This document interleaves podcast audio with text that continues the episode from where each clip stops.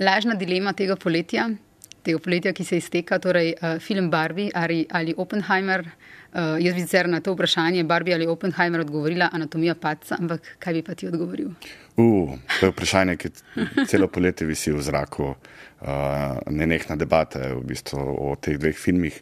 Jaz bi na ta vprašanje odgovoril slovenski film. Uh mhm. -huh. Jaz bi odgovoril slovenski film v najširšem pojmu, zaradi tega, ker uh, se mi zdi, da iz leta v leto prihajajo kvalitetnejši filmi, zanimivejši. Uh, in včeraj, recimo, sem ravno gledal uh, na otvoriti festivala dokumentarnega filma Maribor, Dokodok, uh, en kratek dokumentarni film z naslovom Škatla, ki je tak eseističen, zelo zanimiv in seveda tudi pred premjero filma od Jurija Grudna o Melaniji Trump, ki mhm. pa zelo zanimive stvari povleče ven in teda nek razmislek. En ena podcast Suzano Lovec. Eh, lepo pozdravljeni tudi, tudi um, gledalci in gledalke, poslušalci in poslušalke. Uh, Matej Šluzar, filmski režiser, letos dobitnik nagrade Preširnovega sklada za film Orkester, ki je bil tudi uh, slovenski kandidat za Oscar za najboljši celovečerni mednarodni celovečerni film, uh, sicer tudi avtor nagrajevanega filma Srečen za umret, pa predsednik Društva slovenskih režiserjev in režiserk, znan tudi po režiranju seriji. Jezero in dolina Re Rož je danes moj gost, Matej Šluzar. Dobrodošel v enem podkastu. Lep pozdrav, me veseli, da sem tukaj, ker sem reden poslušalec tvojega podcasta. Hvala lepa. Um, film je moja religija in ljubezenska afera, si rekel Vesni Milek. Uh mhm. -huh. Pred desetimi leti v intervjuju. Pa me zanima, ali je v teh desetih letih tvoj odnos do filma postal kaj manj religiozen? Uh mhm. -huh. In pa, ali se je ta ljubezenska afera že kaj Ratela dolgočasna, je to že zakon postal, je še vedno religija. In... uh, mislim, da se ta verovanje v film uh, v teh letih samo še poglobilo. Uh, je nekaj, kar me iz dneva v dan navdihuje, uh, tudi ker se to polje filma uh, zelo širi. Uh, gledam, uh, imamo v bistvu zelo različne uh, pristope in zelo zanimivo je tudi to polje televizijskega ustvarjanja, televizijskih serij, uh, kjer so v bistvu nekako te serije danes postale bolj filmi, kot so bile včasih. Mhm. In uh, torej, v bistvu še vedno traja in ljubezenska afera, in religioznost, če prav razumem. Jaz mislim, da za, za uh, religioznost, oziroma za verovanje v film, potrebuješ tudi afero. In mislim, da je to tisto, uh, ta žar, ta čar. Mislim, da če bi preveč uh, postale rutinirano, uh, bi mogoče tudi zgubil to iskro uh mhm. -huh. filma. Uh mhm. -huh. Eh, kakšna pa je za lajka, za nekoga, ki ne dela na filmu, razlika med tem, kako režiser dela serijo in film? Sedaj lahko si tudi konkreten, glede na stvari, ki si jih recimo počel. Aha. Kaj so recimo za režiserja uh eh, -huh. Mhm. uh, glavne razlike, takrat, ko imaš obdobje, ko delaš nek film, ali pa ko imaš obdobje, ko si na seriji? Uh -huh. uh, razlika, um, kar se tiče dela režiserja, uh, mislim, da jaz osebno ne delam jih ravno razlike. Uh, lahko bi pa rekel, da je druga panoga v atletiki. Mhm. Zdaj, če recimo, uh, če recimo uh, tek uh, na 10 km film, uh, je lahko serija maraton. Uh, in obratno, tudi, seveda, to je povezano tudi samo produkcijo, koliko časa potrebuje uh, film. Uh, razlika je seveda tudi v tem, da um, film je svoje vrstna žival, je mogoče lahko tudi dosti bolj oseben, je lahko dosti bolj drugače nagovarja, tudi eksperimentira v pripovednem smislu. Na drugi strani pa serija je pa neka, neko daljše raziskovanje likov uh, in mogoče bolj tudi poglobljeno zaradi samega časa. Zdaj, v razliki med režijo enega in drugega bi rekel, uh, da je razlika seveda v količini. Uh, če, ima, če je film dolg, recimo 100 minut, uh, je to uh, dost uh, manjši obseg kot pa recimo neka miniserija, uh, ki ima šest epizod, kar pomeni, da je šestkrat več ali pa trikrat več uh, uh, materijala za posnet, uh, večja zasedba uh, sam, samih vlog in iz tega vidika je potem drugače delati. Pa seveda delo na sami seriji se mi zdi, da je nekako hitrejše, uh, dost hitreje treba najti določene rešitve. Uh, predvsem zaradi te količine in omejitve, ki pa vedno imaš uh, v finančnem smislu, kar se tiče in serije in filma. Uh, bi pa izpostavil druga stvar, ki je zanimiva, ki pa ni samo mogoče tukaj pri nas zanimiva, ali pa mogoče, ampak je širše evropsko, tudi na Balkanu, je nekako prišli smo v neko bizarno situacijo, kjer se v bistvu serije mogoče hitreje sproducirajo, kot pa sami filmi. Uh, mislim, da je ta čas med enim in drugim filmom se v zadnjih desetih leto, letih uh, podvojil, uh, kar je nespremljivo, če so mogoče pred 20 leti delali na 3-4 leta režiserji filme v Evropi. Režiserji filme v Evropi, danes je ta čas 7-8 let. In ti si tukaj kritičen, ne? tudi do slovenske države, k temu še prideva, oziroma mm -hmm. misliš, da bi moral uh, za to, da um, da lahko se razvija režiser, ne, imel možnost pač bolj pogoste produkcije. Uh, seveda, mislim, mi znotraj uh, našega kroga režiserjev imamo vedno uh, to neko interno šalo, da mi kot režiserji ne moramo iti na državno prvenstvo, na evropsko prvenstvo, na svetovno prvenstvo, ampak gremo vsaki 4-5 let na olimpijske igre in se vedno pričakuje zlato. Mhm. Mislim, da v, v, v vsaki. Uh, uh, vsak, celo umet, mislim, širše umetnosti, mm -hmm. je ta ne, potrebna ta neka kontinuiteta dela, da se lahko nekdo razvija ali umetnik. No, vse zadnje, tudi če gledamo v športu, če je več tekmovanj, če je več uh, uh, nekih, nekega treninga, potem lahko prideš lažje do rezultata. Mm -hmm.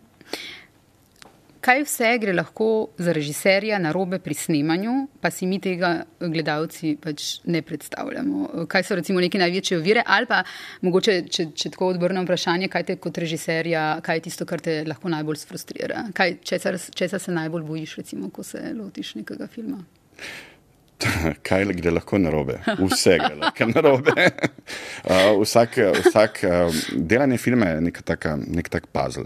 Uh, je nek tak. Uh, neka taka sestavljanka in vsak košček je izjemno pomemben, da potem lahko nastane lahko nek presežek. Uh, lahko, in če um, ne upravi vsak svoje delo do maksimuma, uh, potem lahko gre zelo veliko stvari na robe, ker je vse verižno vezano. Uh, samo nastajanje filma, če nekdo ne pripravi recimo samega snemanja lokacije, uh -huh. uh, primerno, tako kot je bilo dogovorjeno, potem, ko pride ekipa, lahko nastane uh, prevelik zastoj v samem snemanju. Uh, in to je en recimo, problem. Drug problem je recimo vreme. Uh, uh, neka taka frustracija, recimo, ko smo se pripravljali na snemanje jezera, ko smo že pisali uh mhm. -huh. scenarije, je bilo vedno, uh, potrebujemo sneg. In potrebujemo sneg ne kjerkoli, ampak ga potrebujemo v Bohinju, ki je znotraj Triglavskega narodnega parka, kar pomeni, da ne moreš narediti umetnega snega. Uh, ampak je treba počakati na naravni sneg. Takrat ste imeli ful srečo, ne? Takrat je bila izjemna sreča yeah. Ja. uh, s tem, uh, ampak ko smo začeli snemati yeah. Ja. uh, serijo, snega ni bilo. Uh mhm. -huh. In smo imeli uh, snemalni plan postavljen na način, da smo vedeli, to je zadnji datum, uh, ker lahko še snemamo. Uh, potem, po tem datumu pa uh, moramo ali prekiniti snemanje, pa čakati na sneg, ali pa do tega datuma, če pade sneg, se preselimo v Bohin. In dva dni pred tem datumom je padel sneg v Bohinju, samo v Bohinju, in smo se za en mesec preselili v Bohin, kjer smo pa bili, seveda, do koleno v snegu en mesec na minus 15. Mm -hmm. uh, jaz se spomnim, ne, ti si takrat v bistvu tudi javno malo objavljal na Twitterju, mislim, da mm -hmm. ne, tudi, uh, kako, spomnim se, kako dolgo prej so se začeli recimo ogledi lokacij. Ne? Kdaj ja. si ti v bistvu boh in že hodil uh, gledati stvari? Ja. Preden ste dejansko začeli snemati. Mi smo v bistvu začeli z zelo. Mislim, da še v prejšnji zimi smo šli neke uh mhm. -huh. lokacije gledati, uh mhm. -huh. predvsem zaradi te specifike snega, kako so določene um, in vodostaja, uh, in, uh, tako jezera kot uh, reke, um, da vidimo, vsaj približno, kaj so neke omejitve. Potem pa seveda smo iskali lokacije celo poletje do samega snemanja. Nek, neke lokacije um, smo jih najdli še med snemanjem, nekatere tudi zaradi tega med snemanjem, ker so mogoče propadle vmes. Ampak ja, zelo prej in tudi rad imam to, da se, uh, se zelo dobro priprav, ker gre lahko potem na snemanje toliko stvari narobe, uh, um, da veš, kaj potrebuješ, da prideš do željenega rezultata.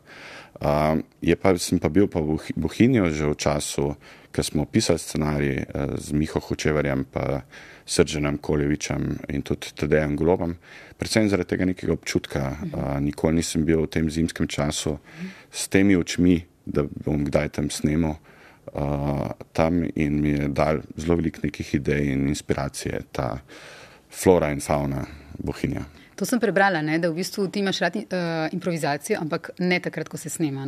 Ja. V, bistvu, v predpripravah se lahko improvizira, kar se hoče, ampak tam pa imaš rad, da gre v bistvu tako, kot si si zamislil. Ne? Ja, definitivno. Mislim, vse si, sigurno z izkušnjami uh -huh. uh, stvari malo spreminjajo. Uh, mogoče sem bil v tem smislu religiozen na začetku svoje kariere, dosti bolj. Uh, kot sem zdaj, zdaj imam rad to neko kontrolirano improvizacijo. Uh, to se pravi, da vsi vemo, kaj delamo, vemo, kaj je namen uh, in kako ga doseči. Uh, predvsem iz tega, da si želim na snemanju režirati, ustvarjati, ne pa samo realizirati neko vizijo. Uh, dost bolj si dopuščam uh, nekega presenečenja da mene nekaj preseneti. Nekaj, kar mogoče nisem jaz pomislil na to, ali pa je pomislil igralec, ali pa je pomislil kdorkoli drug iz ekipe. In se mi zdi, da to daje lahko pol neke presežke, ki jih uh, drugače uh, uh, lahko zgubiš če si preveč samo usmeren v svojo vizijo.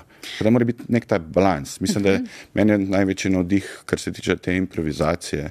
Uh, Martin Scorsese, ki ima znamenite scene improvizacije, tako v Raging Bullu kot v Goodfellas, kjer je zopet vse kontrolirano, ampak je spustil ta svoj, svoj prijem in je pustil, da se je scena razvila. Da smo res lahko dobri, moramo včasih v bistvu tudi spustiti neke svoje. Ja, moramo, moramo spustiti, moramo iti uh, izven svoje cone obdobja. Cone obdobja. Mm. Mislim, da je to tisto, kar kot režiser uh, me najbolj zanima, mm. kako sebe prepraviti do tega, da grem izven. Mhm. Mi grede, zdaj, ko si govoril o teh lokacijah, ne, kako pa vas ljudje, jaz se spomnim, ko ste tle v argentinskem parku tudi mm -hmm. snemali, uh, tle se je Leninov park sicer ja. snemal, ne, pa tudi druge po Ljubljani, ko smo gledali v bistvu uh, snemalne ekipe za recimo serijo. Uh, Um, kako vas ljudje sprejmejo, tako recimo pač v Bohinju ali uh -huh. tle, mimo idoči, to hočem reči, kako reagirajo? Zelo odvisno. Mislim, večinoma imam jaz osebno neke pozitivne uh, izkušnje. Je pa mogoče, ko priješ v neko lokalno skupnost, najprej neko, uh, neko nezaupanje, nekdo je prišel, kaj to zdaj snemajo. Uh, potem pa dalj časa, ko si tam, dosti bolj te spremljajo, dosti bolj vidijo, kaj je v bistvu snemanje filma. Ker vsak si predstavlja snemanje filma, da je to nekaj mal razpuščeno, fancy, uh, mal, um, mal se pogovarjamo, mal posnamemo uh, in pol gremo. Ampak uh, je v bistvu samo snemanje filma izjemno. Uh, Skrbno načrtovan uh mhm. -huh. podvig, uh mhm. -huh. bi temu rekel, ki v bistvu se včasih tudi do minute natančno organizira.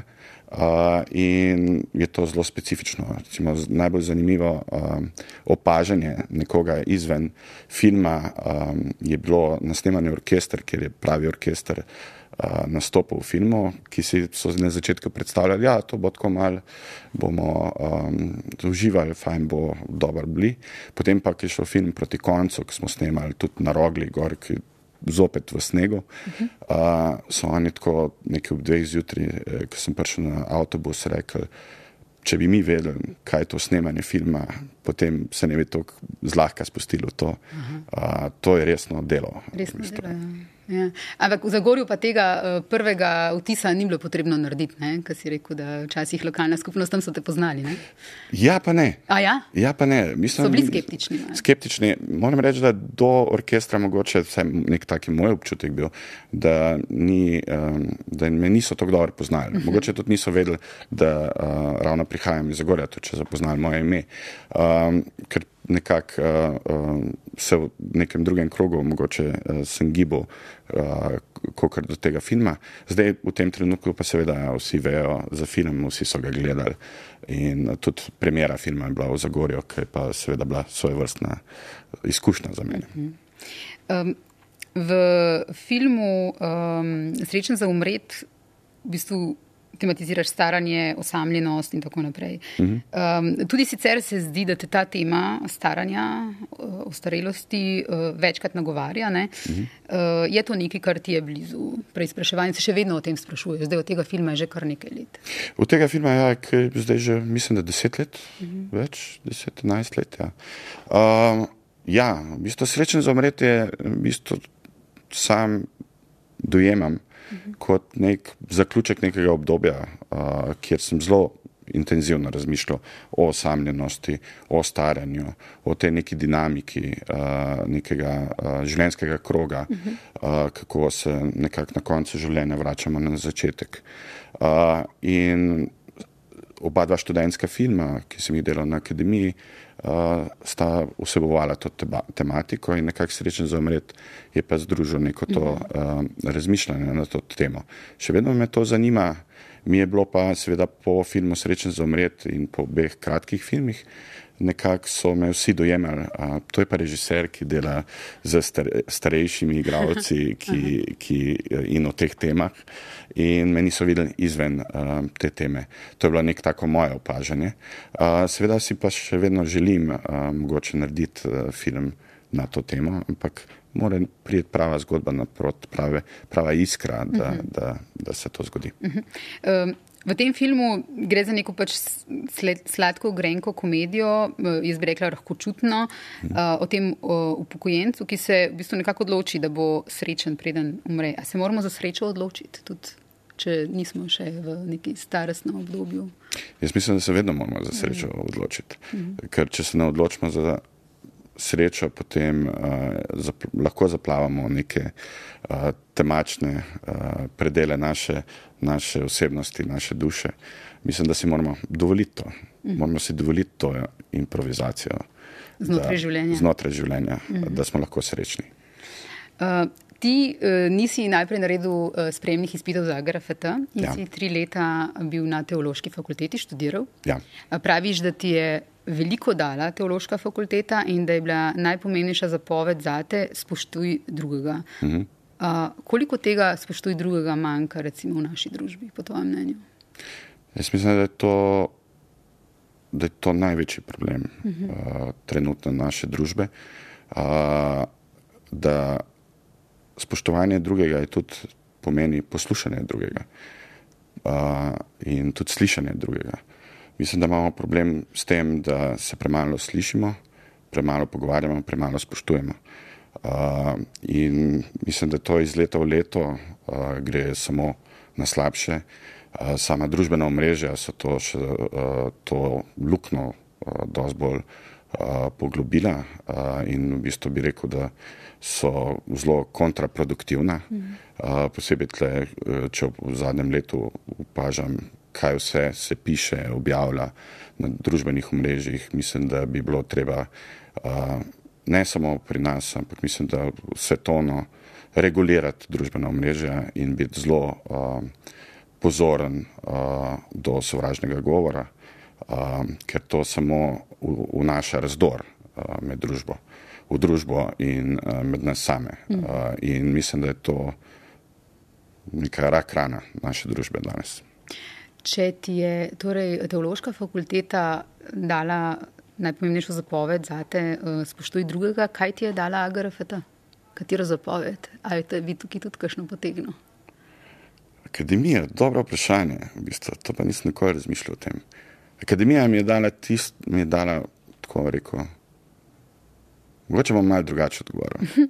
Uh, sam študij akademije je za me bil prvi, študiranje režije je bil prvič v življenju, sem študiral, se učil nekaj, kar želim. In prvič mi ni bilo nič napor. In uh, prvič sem nekaj delal z veseljem. Predvsem tudi zaradi tega, ker to bil nek cilj, ki se je vlekel mi že od srednje šole. Ker ti si trikrat poskusil priti. Jaz sem v tretjem naredil spremni spet. Tako, tako. Skratka, ta ljubezen, mm. preden si prišel do afere, ta ljubezen je zelo gorela. Ne? Da si zlo trikrat šel. Ne? Ja, zelo ja. gorela in vsakič, ki nisem naredil spremne izpite, ja. sem še bolj želel to. Mm -hmm. Ne zaradi tega, ker sem bil zavrjen, mm -hmm. ampak ker sem mogoče bolj čutil da, da je to to, uh, da je to tisto, kar želim. In tudi, ker sem zadnjič delal spremne izpite, ker v tistem mislim, da je bila takrat omejitev, samo trikrat lahko delaš uh, spremne izpite na filmski režiji, uh, sem jih delal, neko, delal te zadnjič spremne izpite z neko lahkoto, ker sem vedel, da kljub temu, ali bom sprejet ali pa ne bom sprejet, film bo nekaj, kar bom v življenju počel. In uh, je bilo potem, seveda, uh, to neko, nekako sem imel občutek neke osvoboditve samega sebe. In um, zaradi tega je to še slajše bilo vse skupaj. Uh, in seveda, pa če pogledam zdaj za nazaj, je v bistvu mislim, da bi bila napaka, če bi bil prvič ali pa drugič sprejet na akademijo. Uh, predvsem zaradi tega, ker osebnostno mogoče še nisem bil tam, nisem bil pripravljen delati filme. In mislim, da če bi bil sprejet prej, ne bi nikoli delal filmov, kot sem jih delal tekom študija, uh, in uh, bi seveda bil moj uh, manjko zaradi tega. Mislim, da mora priti do sazga nek čas. Nekdo gre na akademijo lahko takoj po uh, srednji šoli, nekdo mogoče pri 30, mogoče nekdo pri 35. Zakaj pa ne? Mislim, tudi Haneke je posnel svoj prvi celočeni film pri svojih 46 letih. Ker ti si se vmes tudi izobraževal, ne, da ne bo pomote. Mhm. -huh. Nisi pač samo poskušal, pa še enkrat poskušal, ampak ti si vmes ulagal v to. Ne? Ja, v bistvu jaz sem v tem obdobju delal neke amaterske uh -huh. filme z prijatelji, znanci in vedno sem se spraševal, zakaj te filme ne funkcionirajo tako, kot filmi, ki so meni všeč. In nekako moj zaključek je bil zaradi uh, zgodbe, zaradi scenarija, uh -huh. zaradi uh, pripo pripovedovanja, uh, je bila ena od uh, manjkov teh filmov. In potem se je nekako v tem sozvočju mojega razmišljanja zgodilo, da sem napisal nek kratek scenarij, ki je bil v bistvu neka izkušnja mojega strica iz mladosti. In um, ta scenarij je prebral čisto po slučaju Zdravko Duša, ki je v tistem obdobju organiziral izjemno delavnico, pokaži jezik, scenaristično delavnico v Trenti. In me je poklical in mi je v tem svojem njegovem značilnem uh, slogu rekel: uh, Ja, jaz sem tole prebral, uh, meni se zdi to dobro. Mi imamo neko delavnico, a bi ti prišel na to delavnico. Jaz sem imel takrat 18 let, uh, ravno prvič nisem naredil sprejemne izpite in seveda neka priložnost se je pojavila. In potem je bil v bistvu to nek tak moj prvi korak. Um, v bliže filmu. Uh, ker seveda, jaz sem odraščal za Gorijo, srednjo šolo hodil v Trbovljah uh, in nimaš takega stika, kar uh, v tistih časih nisem imel tazga stika, kot kar nekdo, ki recimo živi v Ljubljani. Uh -huh. uh, jaz nisem imel priložnosti hoditi v kinoteko, uh, moja kinoteka je bila videoteka uh, in s filmi na RTV Slovenija in filmi na uh, hrvaški televiziji. In je v bistvu imel neko drugo pot, kot kar mogoče nekdo, ki je študiral v Ljubljani. Uh -huh. A še vedno pišeš scenarije stoje? Še vedno. Vem, da si jih pred leti pisal. Ne? Še vedno, ja. v bistvu še vedno stoje. delam stoje. Ja. Uh, to je nekaj, kar sem začel pred nekimi 15 leti. Predvsem zaradi tega, ker um, pisanje scenarija je to neko uh, uh, dolgotrajno delo. In uh, če sediš en teden, 14 dni, seveda, vsi vemo, kako je to. Uh, in potem sem slučajno odkril uh, Standing Desk, predvsem po zaslugi, takrat je bila neka moda v San Franciscu med startupi. Uh mhm. -huh. In pa sem začel malo bolj raziskovati in malo tako razne um, zgodovinske osebnosti so delali stoje. In se neko, zakaj pa ne bi probo. In od takrat naprej še vedno pišem stoje. Uh -huh. uh, sem si dal tudi narediti neke take dve mizi, ki mi jih je naredil prijatelj. In jih imam tudi tako, da jih lahko damo v pretlažnik, eno pa jih odpeljem na kakšno lokacijo, ker želim pisati, uh, recimo v kakšno pisarno ali kar koli. In še vedno poslušaš klasično glasbo, medtem ko pišeš scenarije? Ja, v bistvu še vedno. Še vedno, uh, ja, še vedno. Uh -huh. Mislim, da uh, zelo največ sem poslušal, seveda, Requiem od Mozarta, uh -huh. ki mi je ena od uh, temeljnih del klasične uh, glasbe. Uh, in zelo fajn mi je pa poslušati um, vseh, vseh devet simfonij Betona, ampak tako da od začetka do konca, tako uh da, je, da postane nek uh, zvok prostora. Uh -huh. Uh, ker ti v bistvu zelo pogosto, ali pa uh, raden izjemoma scenarije, pišeš sam. Uh -huh. uh, kako se pa, kaj, kaj bi bilo pa drugače, če bi pač dobil scenarij nekoga drugega? V bistvu, zakaj pišeš scenarije sam tako? No? Ja, mislim, zaradi vsega tega, kar sem prej pogledal, uh, povedal uh, uh, in te delavnice. In to, jaz sem v bistvu scenaristiko padel po nekem naključju. No. Nikoli nisem veliko razmišljal o tem, da bi me samo pisanje uh, zanimalo. In potem ta izkušnja skozi ta kratek scenarij, pa potem tudi prvi daljši scenarij, ki sem ga znotraj tiste delavnice napisal, je bilo neki, nek občutek, v bistvu, da med pisanjem, v bistvu jaz režiram film. V bistvu nekako gledam ta film, ki ga pišem, ki je v nekih optimalnih okoliščinah in v bistvu sanjam film. In to je tisto, kar mi je zanimivo pri sami scenaristiki. Ni mi tako zanimivo pisanje, vse to scenaristika je, je zelo naporna. Jaz velikrat rečem, zdaj grem pa v jamo in kopati ta premog ali kolm, tako rečemo v zasavju.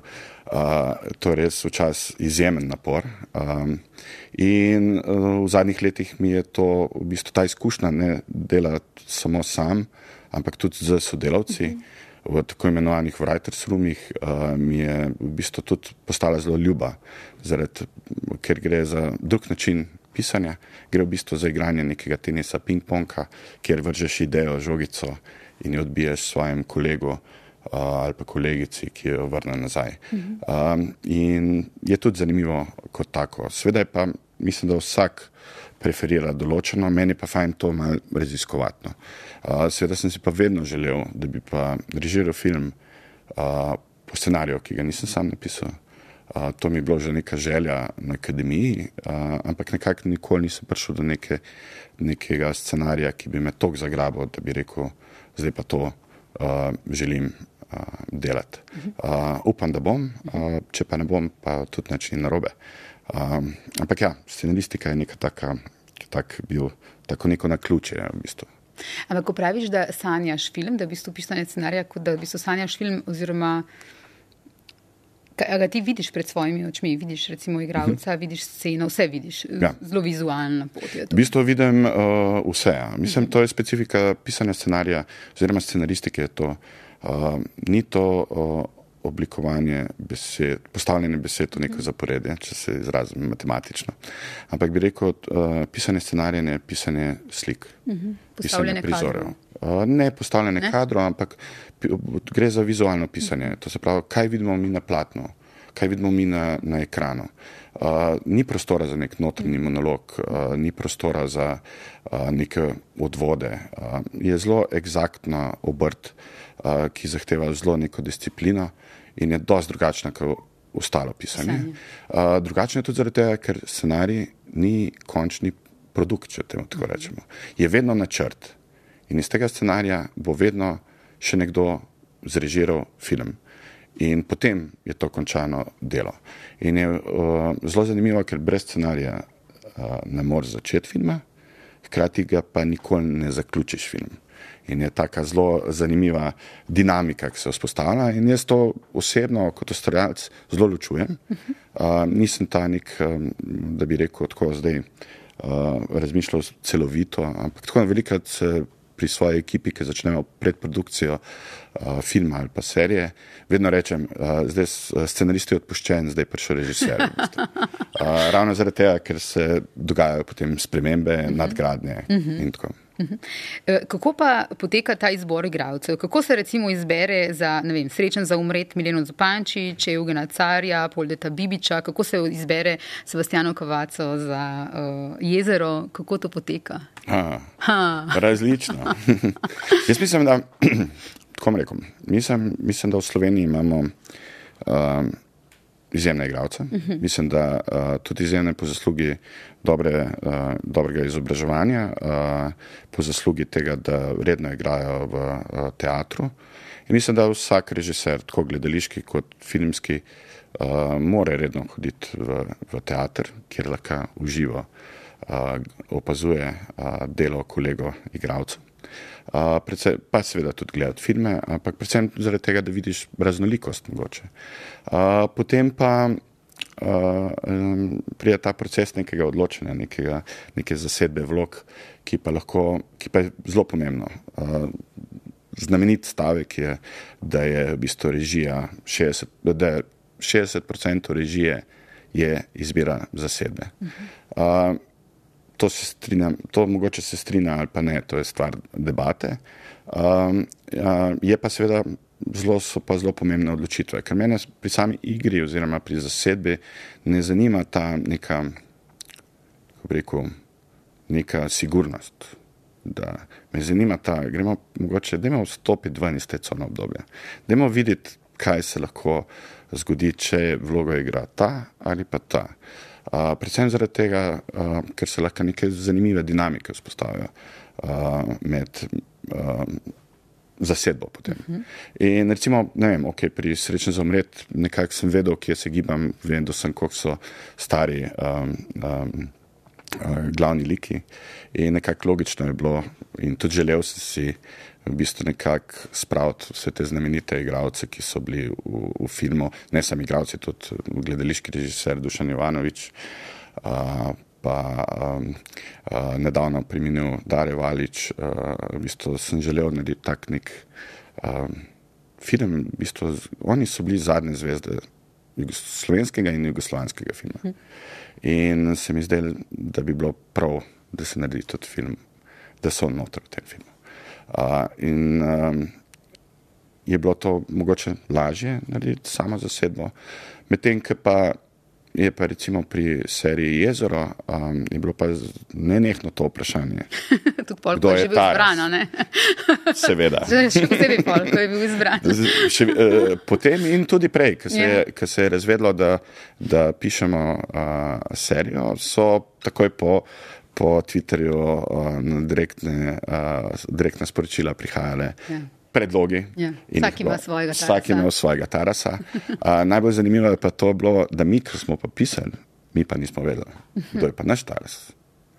A, in v bistvu smo tako rekli, ne, to ne bomo se s tem ukvarjali, bomo pisali tarasa in bomo to v predprodukciji a, poskusili a, narediti neko širšo ne audicijo, ampak uh, neko branje, da vidimo, kako se stavlja to uh, uh, zasedbo. Uh -huh. In potem smo imeli različne uh, kombinacije. Ja, koliko ste jih pa imeli, recimo? Uh, zdaj se ne spomnim, ampak Aha, je bilo kar nekaj. Bilo kar nekaj. Ja. Ampak to je predvsem, kot sem prej govoril, uh, zanima me, kako se ta dinamika vzpostavlja. Uh -huh. uh, in seveda, uh, uh, Sebastian je tle um, zelo odstopil, v bistvu je bilo zelo uh, nekaj, um, zanimivega, hkrati, kar je bilo pa meni zanimivega in to smo tudi povedali, um, da si želim, da ga vidimo v drugačni vlogi, kot smo ga gledali do tega. In to je tudi on takrat uh, v bistvu zelo zapopadel, um, zelo se zaveda uh, svojega ustvarjanja, je izjemen igralec in um, se je seveda pol zgodila ta zasedba in potem vse ostalo. Um, tako da včasih veš, v, v, že med samim pisanjem, kdo bi lahko igral, mhm. včasih ne veš. Uh, pri orkestru, recimo, ki sem pisal, se tudi nisem ukvarjal, kdo bi igral. Sploh nisem vedel, da bo mogoče pravi orkester v filmu. Mhm. To je še dost kasneje prišlo. In to je najbolj zanimivo, neverjetno pri orkestru, da ta miks, ne, torej uh mhm. -huh. ljudi, ki res igrajo v uh mhm. -huh. orkestru in uh, igralcev, ne, in da je tukaj meja med njimi praktično ni opazna ne, v filmu. Ja, to sem želel, bistvu to mi je bilo meni osebno zelo pomembno, um, ker um, sem včasih lahko osebno zelo kritičen, ker nekdo reče, aha, nekdo, uh, ki um, pride iz svojega življenja, sto pred kamero, kako je on naraven. Um, ne uh, pristajam na to, da nek naturščik lahko sam je. Meni je bilo pomembno, da orkester, ki je pravi, da oni tudi igrajo. Ne samo na inštrumente, ampak da igrajo pred kamero.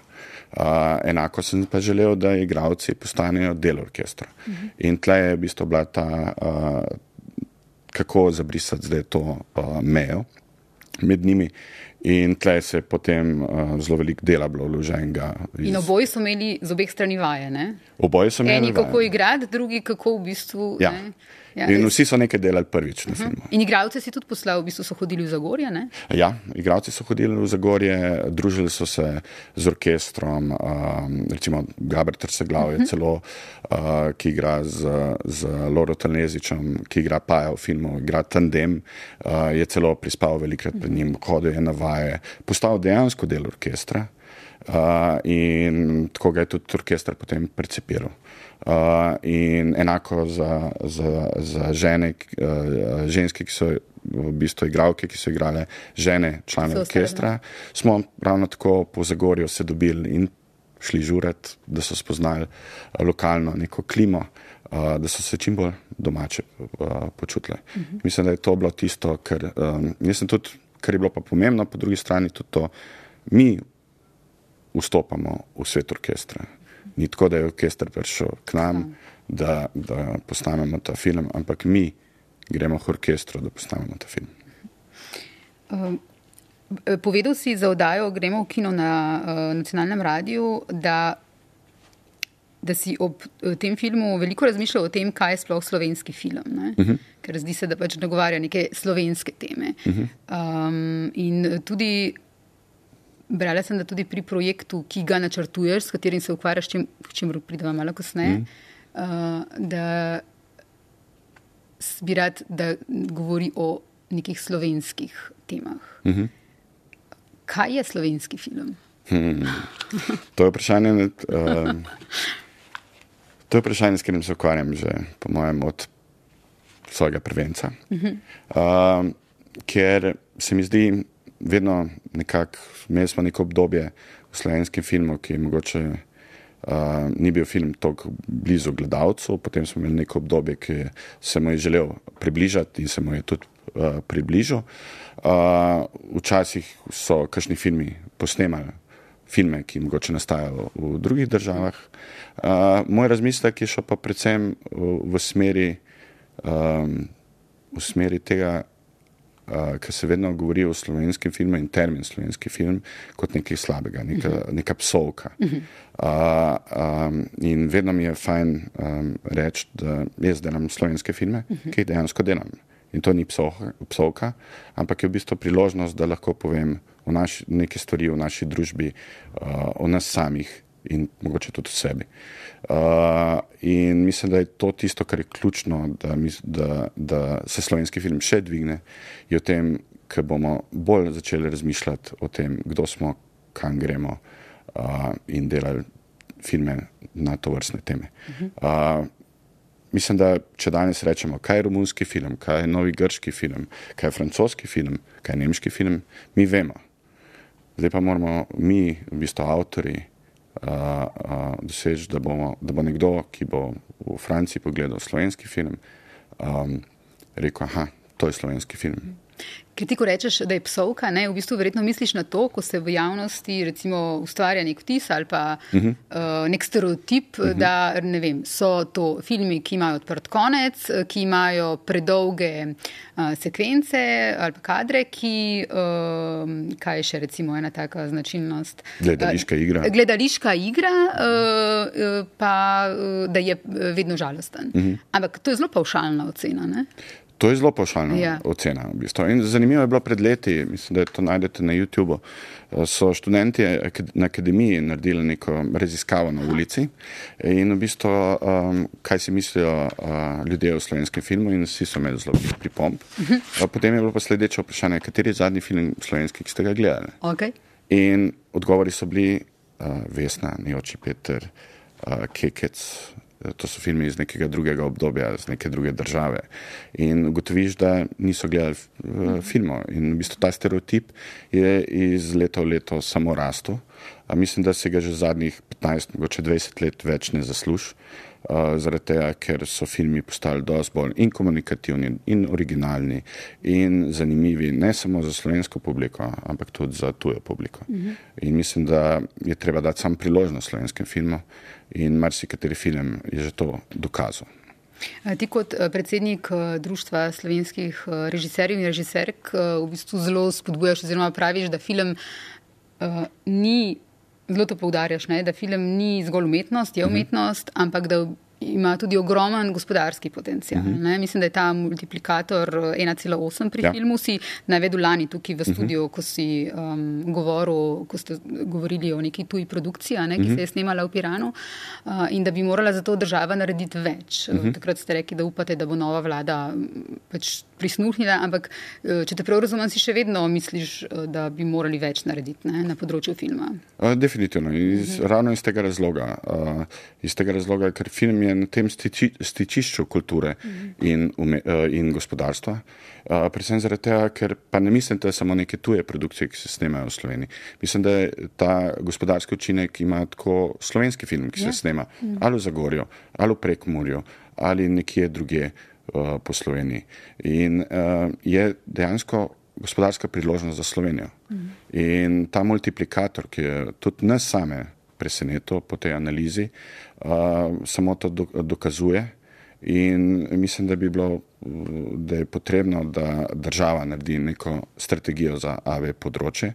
Pa tle je seveda ta gospodarski aspekt filma, seveda je pa treba razmišljati tudi o kulturnem aspektu in tudi malo širše. Ne govorimo samo o filmu, govorimo tudi o televizijskih serijah. Uh -huh. Države uh, uh, na Balkanu, recimo Srbija in zelo izjemen primer, recimo Bosna v zadnjih treh letih, so naredili izjemen korak naprej na področju tudi TV serij, kjer se je v bistvu nek držav, eh, državni telekom odločil, da bo o, vložil 8 milijonov evrov v produkcijo televizijskih serij in letos smo lahko gledali serijo uh, Jasmile uh, Žbanič v, v, v programu Benetk, um, prva in druga epizoda.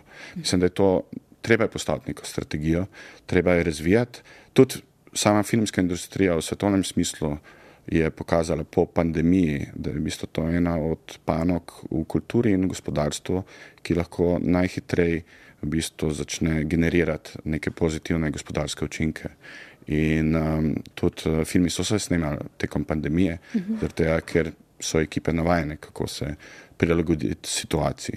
In treba je gledati na slovenski film, na slovenske ave ustvarjanje, v bistvu ne kot psoko, uh -huh. ampak kot priložnost. Uh -huh. In če uh, celotna ave industrija v Sloveniji uh, ustvari 200 milijonov prihodkov brez strategije, kaj bi bilo šele, če bi imeli strategijo? Uh -huh. Sicer pa imamo v Sloveniji, ne, to ne smemo pozabiti, tudi odlične režiserke. Uh -huh. um, Pred časom smo imeli recimo v naši rubriki poglobljeno intervju s Tijano Znajič, uh -huh. film Prasica, slabšalni izraz za žensko, pa Urško Đukič z nagrajenim kratkim filmom Babičino seksualno življenje, ok, tukaj je Urša Menard, recimo, uh -huh. uh, seveda Ema Kugler, ki je bila, dobila preširnovo nagrado. Uh -huh. Maja Vajs. To sem hotel vprašati, katerih ne bi, katere bi nujno recimo ti še omenil zraven? Ja, jaz bi omenil Maja Vajs, ki je v bistvu, ona je uh, prva slovenska režiserka, ki je posnela celovečerni film. Sramotno je to, da se je to zgodilo na začetku novega tisočletja. Uh, in od tega obdobja naprej uh, se je začel v bistvu uh, urejevati nek rod režiserk, zelo zanimivih avtoric, zelo raznolikih avtoric. Uh, in v bistvu one izjemno bogatijo uh, tudi uh, slovenski film.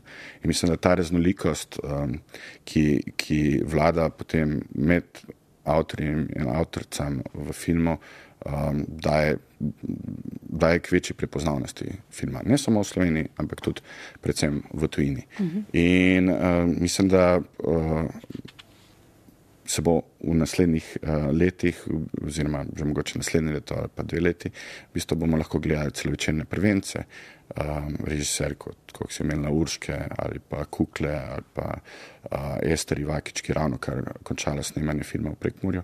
Uh, mislim, da je to um, um, um, lepo, fajn in da je treba spodbujati. Uh, Uh, in zelo veliko energije vlagati. In zato je tudi pomembna strategija slovenskega filma. Um, večkrat sem že tudi rekel nekaj, kar se včasih, zdaj v zadnjem letu, mogoče uh, čutim, da sem plošča, ki se vrti.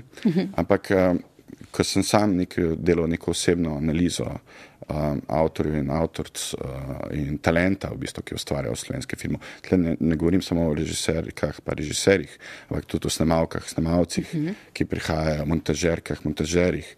Uh, mislim, da slovenski film v svoji zgodovini od samega začetka ni bil še nikoli v taki poziciji, kot je v tem trenutku, da imamo toliko raznolikega talenta v vseh generacijah. Uh, v preteklosti je vedno bilo tako, nekako saj tak je bil občutek, da je vedno samo določena generacija delala v polju celovečernega filma. Uh, danes smo pa v bistvu na, na prelomnici, kjer, um, uh, kjer imamo zelo zanimive avtorce, avtorje, ki bojo delali prve filme ali pa so jih naredili, uh, tiste, ki delajo drugi, tretji, četrti film, in seveda tudi tiste, ki zadnje 30 let ustvarjajo filme.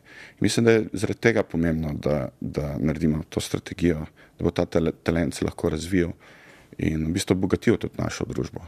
Um, če jaz zdaj nazaj pogledam, kot si prej omenila, ki sem me spraševala o sami akademiji, um, to je bilo zelo neko, ta, v tistem času, v tistem obdobju, ki sem jaz študiral, je bila zelo zanimiva neka dinamika na akademiji v smislu tega, da smo vsi študenti režije bili nekako pod, podobna generacija. Tudi. In v bistvu je, um, so takrat filmi, ki so nastajali na akademiji, bili izjemno uspešni, uh, uspešni uh, v mednarodnem prostoru, mhm. dobivali velika priznanja. Uh, od evropskih filmskih nagrad do nominacij za Oscarja, do, do uh, uspehov na drugih festivalih in to zelo različni avtori in avtorce. In potem se zaključi tudi in greš v bistvu v realni svet. In v bistvu mi smo v tistem momentu stopili na neko pogorišče. Zelo nesigurno financiranje slovenskega filma takrat. Uh, priložnost za delati prvi film je bila minorna. Uh, uh, režiserji so delali prvence pri svojih skoraj 40 letih, uh, kar je popolnoma nesprejemljivo. In treba je ta sistem opolnomočiti, da bo lahko nekdo, ki pride, študent ali pa študentka iz akademije, dostopi v urejeno okolje in da lahko s svojim talentom čim hitreje pride do svojega prvega celovečernega filma ali pa prvega kratkega filma v nekem profesionalnem okolju. In um, to je tisto, kar, je, kar uh, se mi zdi, da je zelo pomembno in to vedno zdaj uh, poudarjam, ker sem bil tudi sam presenečen, ker sem nekako detektiral, uh, uh, kje, kje, uh, kaj vse nastaja. A nam lahko zdaj poveš, eh, recimo, kaj ti zdaj za naprej delaš? Ha. Vem, da pišeš, to si mi povedal, mm -hmm. rekel si, da neke stvari morajo še ostati skrivnost, oziroma ne smeš o njih govoriti. Mm -hmm. Kaj pa lahko poveš? V bistvu, eh, najverjetno najbolj širšo javnost, najširšo javnost zanima, a delaš novega Tarasa? Mm -hmm. Ga ne? V, v tem trenutku še ne. ne okay. V tem trenutku še ne. Okay, to, je tudi, to je tudi vprašanje, ki ga ne nehno dobivam, ja, kdaj, bo, kdaj bo virus, kdaj bo zdaj koma. Uh -huh. uh, uh, ker je seveda uh, knjige Tadeja Goloba so postale del slovenske pop kulture. Uh -huh. uh, Kolektivno nezavedno. Ja, na nek način tudi, te, uh, tudi sama serija. Uh, in je, bi rekel, tako, želim se, da bi nadaljevali to zgodbo. Seveda je treba v bistvu stvariti pogoje, da, da, da se nadaljuje. Uh, Uh, uh, Tarasovo, Tarasovo uh, življenje v seriji. Uh -huh. um, je pa seveda tako, uh, tudi za samega avtorja, mislim, da je fajn, da vsaj za mene pomeni, da imam raznolike stvari, uh, da se lahko tudi sam razvijam, da, da si iščem sam neke izzive. Um, in zelo ne rad govorim tudi o tem, kaj delam. Uh, tega, ker včasih se lahko te stvari spremenijo. Včasih rečeš, da zdaj delam serijo o tem ali pa film o tem, uh, potem se pa pet let nič ne zgodi. Okay. Noče za džinksa. Torej. Ni to džinksanje, ampak uh -huh. je mhm. tako nekako lahko rata to neko. Pričakovanje. Pa delaš vedno ta film. Uh, nekako je tako. Um, jaz imam vedno to obdobje recimo, naredim film, se veselim režije, yeah. Ja. sem lačen režije, uh, uživam uh, na snemanju. Recimo, uh, če bi lahko bil 300 dni na setu, bi, bi bil 300 dni na setu. Uh, ampak v leto ne. Uh, ampak uh, pride pa obdobje, v bistvu, ki pa začutim uh, to. Slop po pisanju. Slop po pisanju. Okay. Zelo posanjeno film, to, kar sem govorila. In zdaj sanjaš nek film. To, zdaj to sem zdaj razbrala. Ja. Uh, no, povej, povej toliko, koliko lahko poveš. No, no, kaj mi lahko poveš? Um, ja, lahko povem, da bo slovenski film. In da boš scenarij napisal očitno ti. Uh, ja. In da se bo snimal kje? Uh, to je pa dobro vprašanje. No, na dol Sloveniji, lahko pa v Sloveniji. Ja. Mm. In da razmišljaš neke teme, ki zadeva, če prav razumem, uh, slovensko družbo. Seveda, to, v, v, v, to me izjemno zanima. Zanima v bistvu to, ta nek razmislek, ki sem ga mogoče začel, uh, do katerega sem prišel skozi neko to, kako rekel, preobrazbo razmisleka mene kot režiserja do orkestra, je nekaj, kar bi želel uh, nadaljevati. In um, želim si v bistvu ja, govoriti nekako širše.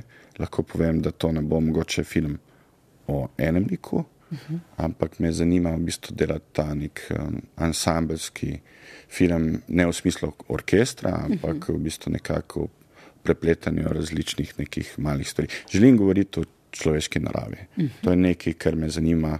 Tako kot me je recimo mogoče pred desetimi leti usamljenost samota, uh -huh. me je začela zanimati zelo ta neka človeška narava, uh -huh. neke odločitve, ki jih sprejmemo, ki so lahko v enem trenutku dobre, v drugem, skozi drugo prizmo pa seveda tudi slabe. No, se tudi pri orkestru ne, v bistvu um, gre tudi za to, da opozuješ te kot gledalec, ti kot režiser, mhm. opazujemo neke situacije, kjer popustijo ventili, kjer uh, se človek pokaže v drugačni luči, kot se kaže recimo mm. sicer v nekih situacijah, ki uh, ne, so nek izklop iz življenja, recimo pa veliko povejo o človeku. Mm. Te stvari te zanimajo, ne? o tem uh, veliko premišljuješ, čeprav razumem tudi o odnosih. Ja, v odnosih, seveda, ja. osnova vsega se mi zdi, da je odnos uh, in kako neka akcija, neka, sproži neko reakcijo na drugi strani. Uh -huh. um, in to je tisto, kar mi je nekako najpomembnejše. Ker filme, filmi, ki jih delam, pa na vse zadnje, tudi mogoče serije, ki, ki sem jih naredil do zdaj, uh, bi rekel, da vse noter odražajo neko moje opazovanje naše družbe. Um, da me to vedno zanima, tudi vedno se rad igram, da se usedem nekje na ulici v nek, um, nek bar in opazujem ljudi in nekako tudi razmišljam o tem, kakšne so zgodbe za njimi, zakaj nekdo tako hod, zakaj se te dva ne držita za roke ali pa zakaj se držita za roke. Mm -hmm. Tako nekako nekak delaš neke zametke, mm -hmm. uh, neke fantazije, neke, neke zgodbe. Tudi recimo pri orkestru ne, se lahko vprašamo. Um, na kak način, ali pa se jaz vprašam, mm. na kak način v bistvu režiser različno lahko pa scenarist pristopa k nekemu vprašanju odnosov ali pa prikazu tega, da se zgodi nekaj, kar se običajno ne, ali pa o razmisleku mm -hmm. o zvestobi, ne zvestobi, recimo. Ne? Mm -hmm. um, ma, na koliko različnih načinov bi v bistvu lahko neko stvar v besedi na filmu, ne, pa jo na točno en določen način. Kako se v bistvu o tem odločaš?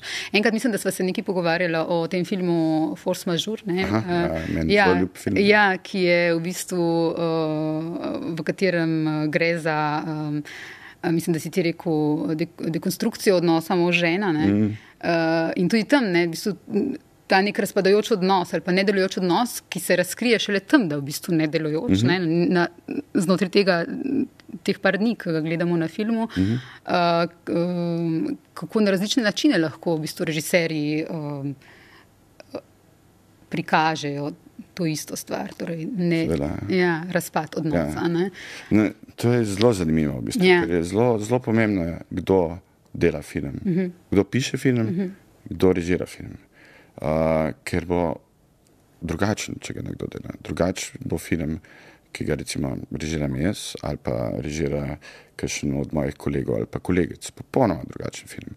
Tudi druga neka, uh, neka občutljivost za mhm. določene stvari, določene like, zgodbe bo drugačna. In zanimivo je bilo, recimo na akademiji smo imeli, smo v našem letniku uh, imeli uh, neko vajo, kjer smo v bistvu vsi režirali isto predlogo, isti scenarij. To je bila kratka vaja. Aha. In režirali smo štiri, vsak, bili smo štiri v letniku uh, in vsak je režiral ta isti tekst. Nastale so štiri popolnoma različne, štiri popolnoma različne vaje. Predvsem zaradi tega, kako senzibiliteto ima imel vsak od nas do teh likov, do tega zapleta, do te zgodbe. In mislim, da je to, zakaj gremo gledati film. Mm. Quentina Tarantina mm. ali pa film um, Martina Scorsese ali pa kogarkoli drugega, ker približno vemo, kje, ka, kaj ga zanima kot, ta, kot njega. Seveda vsi avtori si želimo in se tudi oni verjetno želijo to raziskovanje neke, neke nove poetike, nove, novega načina delanja filma. Um, in to je ta lepota v bistvu. filma.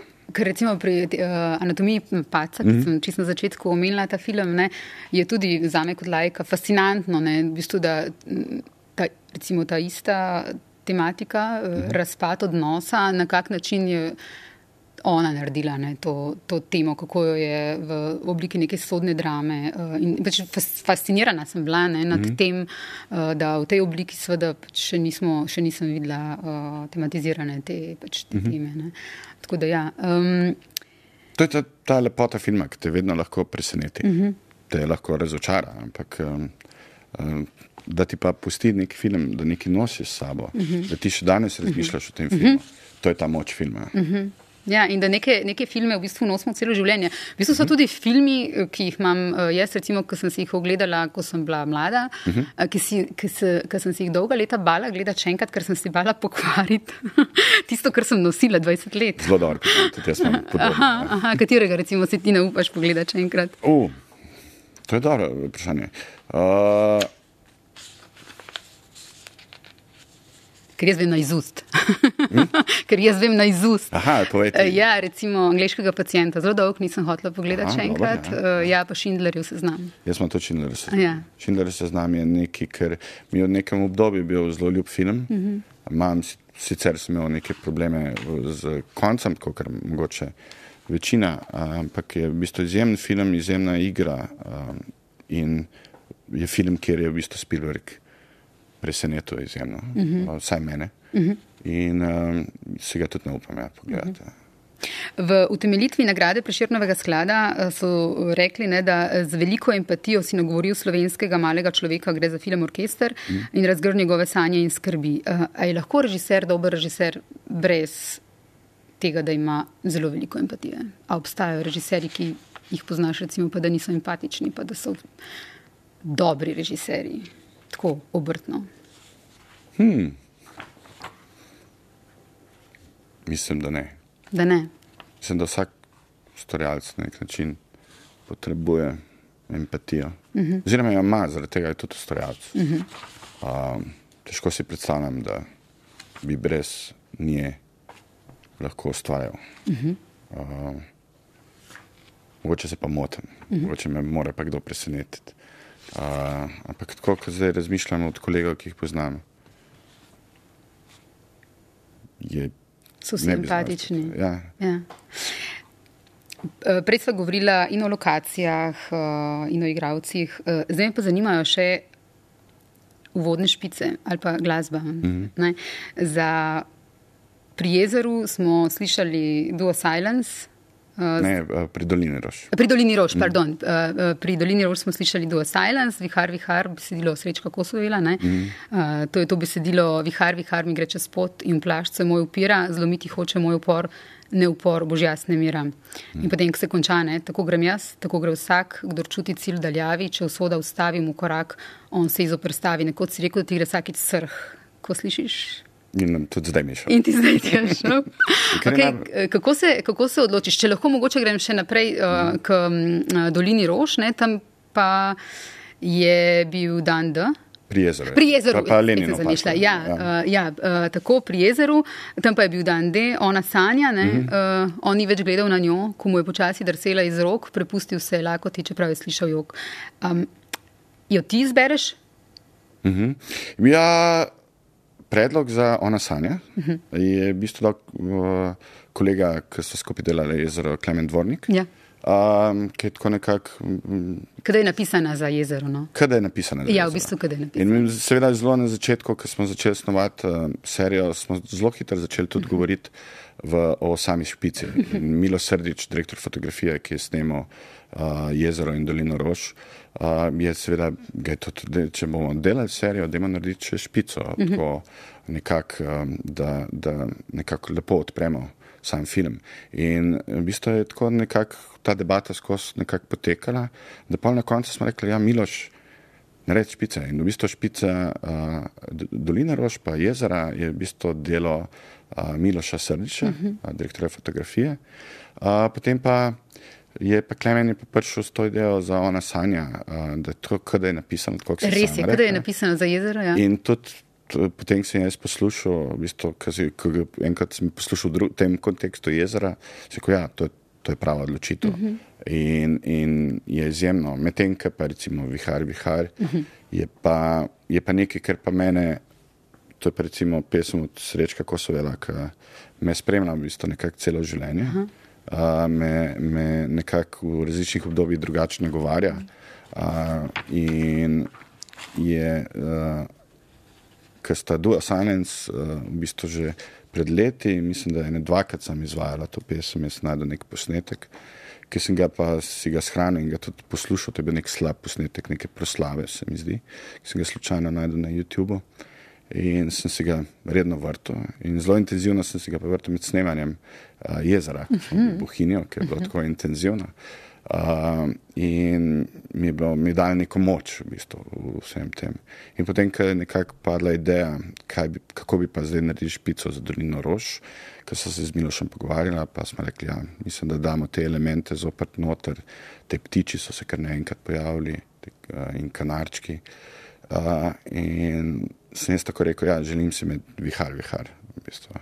In želim, da vsega, da se tokrat, če smo prej pri dan delu vzeli vedno nekaj, kar je sedlo na samo špico in izgledalo, kot da je napisano za serijo, da imamo zdaj narediti. Um, in um, sta potem skupaj z Silence smo uh, sedeli, se pogovarjali in v bistvu sta v bistvu prvič posnela uh, to pesem, ki sta jo parkrat izvajala prej, po ponoma novem aranžmaju. Uh -huh.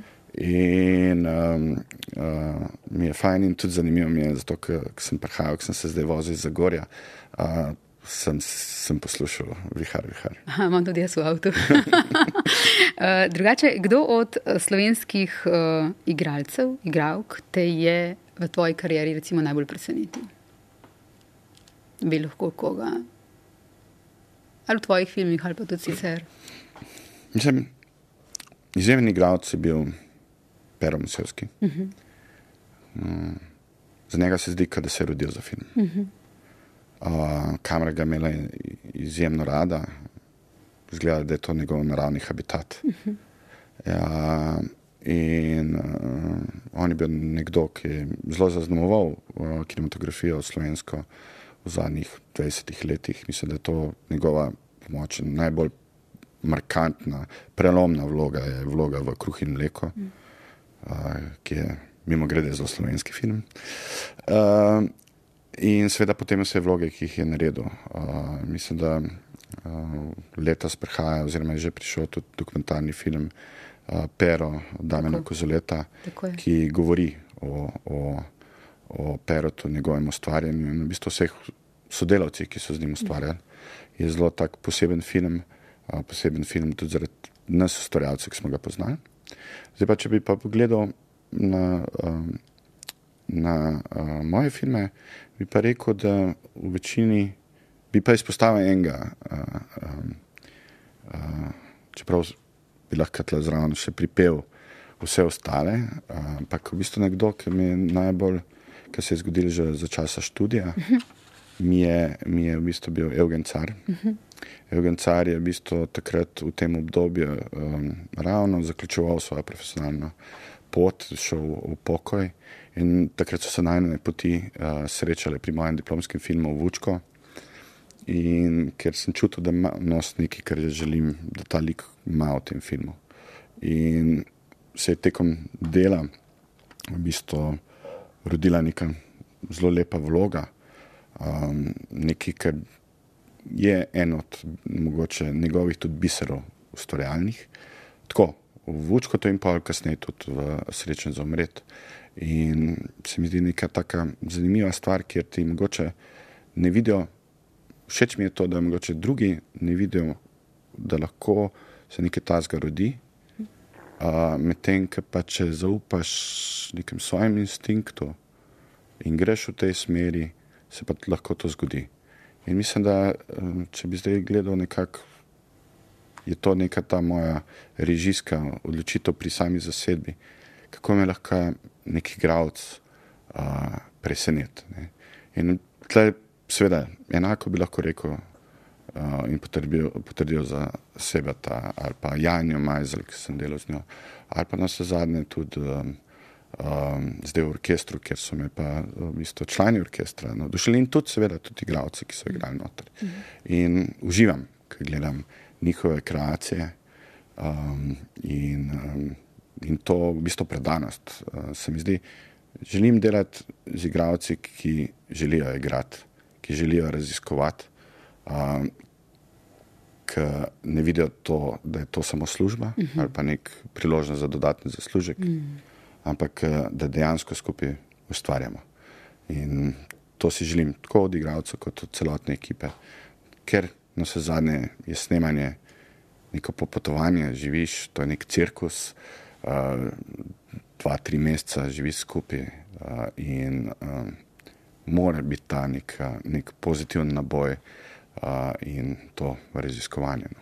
Pa ohranite potem recimo stike uh, in režiserji pa igravci ali pa se rodijo tukaj tudi prijateljstva, da je to več od sodelovanja? Uh, uh -huh. Ja, ja sigurno. Ja. Mislim, seveda s kom za neko obdobje lahko zgubi stik, pa se uh -huh. potem zopet najdeš, ampak imaš to neko svojo zgodovino. Uh, ki, ki v bistvu v tistem trenutku samo nadaljuješ naprej. Vse z nekaterimi se pa s, lahko uh, splete tudi močnejša prijateljska vez. V bistvu. Recimo, meni je zelo zanimiva zgodba, zanimiva, recimo direktor fotografije Simon Tanšek, uh, ki so prvič delali skupaj še pri mojem študentskem filmu, mi da se prej niso poznali. Uh, kljub temu, da vam prihaja iz Hrastnika, ampak on je študiral v Pragi in nisem imela nekega stika, on je bil že takrat že zelo uveljavljen direktor fotografije. In tekom teh filmov, ki so jih delali skupaj, uh, so postala uh, v bistvu res tesna prijatelja, ki pa seveda, ker snemamo film, so noč in dan skoraj skupaj. Uh, potem pa si vzamemo čas, da nismo več in pa se včasih tudi štiri mesece ne vidimo. Uh -huh. Uh, uh, ali pa ne govoriva, zaradi tega, ker se mora tudi spočiti eno od drugega. Uh, mislim, da je pa tako veliko takih um, uh, sodelavcev, um, ki te bogatijo to vsak dnevno. Mislim, tudi scenografinja Kate Šolce, uh -huh. uh, ki je izjemna um, in je v bistvu skupaj s Simonom tudi sodelovala pri obeh celočenih filmih. In sta mi neka taka super sogovornika um, da lahko ne samo te ideje, ki jih jaz imam, ampak da tudi one da zelo veliko prenesete samemu filmu. Če ne bi bilo omejitev, uh, kakšen film bi snimal Matej Šluzer? Če ne bi bilo omejitev, Nobenih. bi si, seveda, bi si verjetno sam postavil omejitev. Uh -huh. uh, omejitve ti sprožajo uh, neko kreativno iskro, uh -huh. neki izziv in, in reševanje problema in mi je to nek, nek draž. Tudi sam zelo, mislim, zelo rad igram šah, ker je v bistvu um, sama partija vedno iskanje neke, neke rešitve uh, nekega problema. In tako mi je tudi film. Zdaj, vedno so tle neki odgovori, kaj bi bilo, če bi imel več denarja na tem svetu, katera je tista zgodba ki bi jo posnel, nekateri odgovorijo, Alamut, Bobri, te velike neke zgodbe. Um, pa ne vem, če bi se ravno lotil to vrstnega snemanja. Ker s potriglavom? Ker s potriglavom. Mogoče ja, mogoče ne, ampak mislim, da bi se definitivno lotil naslednjega filma. Uh -huh. Oziroma tisto, kar me neki draži. Uh in zdaj, kaj bi to bilo, bi pa zelo težko odgovorim. Pa nič ne skrivam. Ne, res.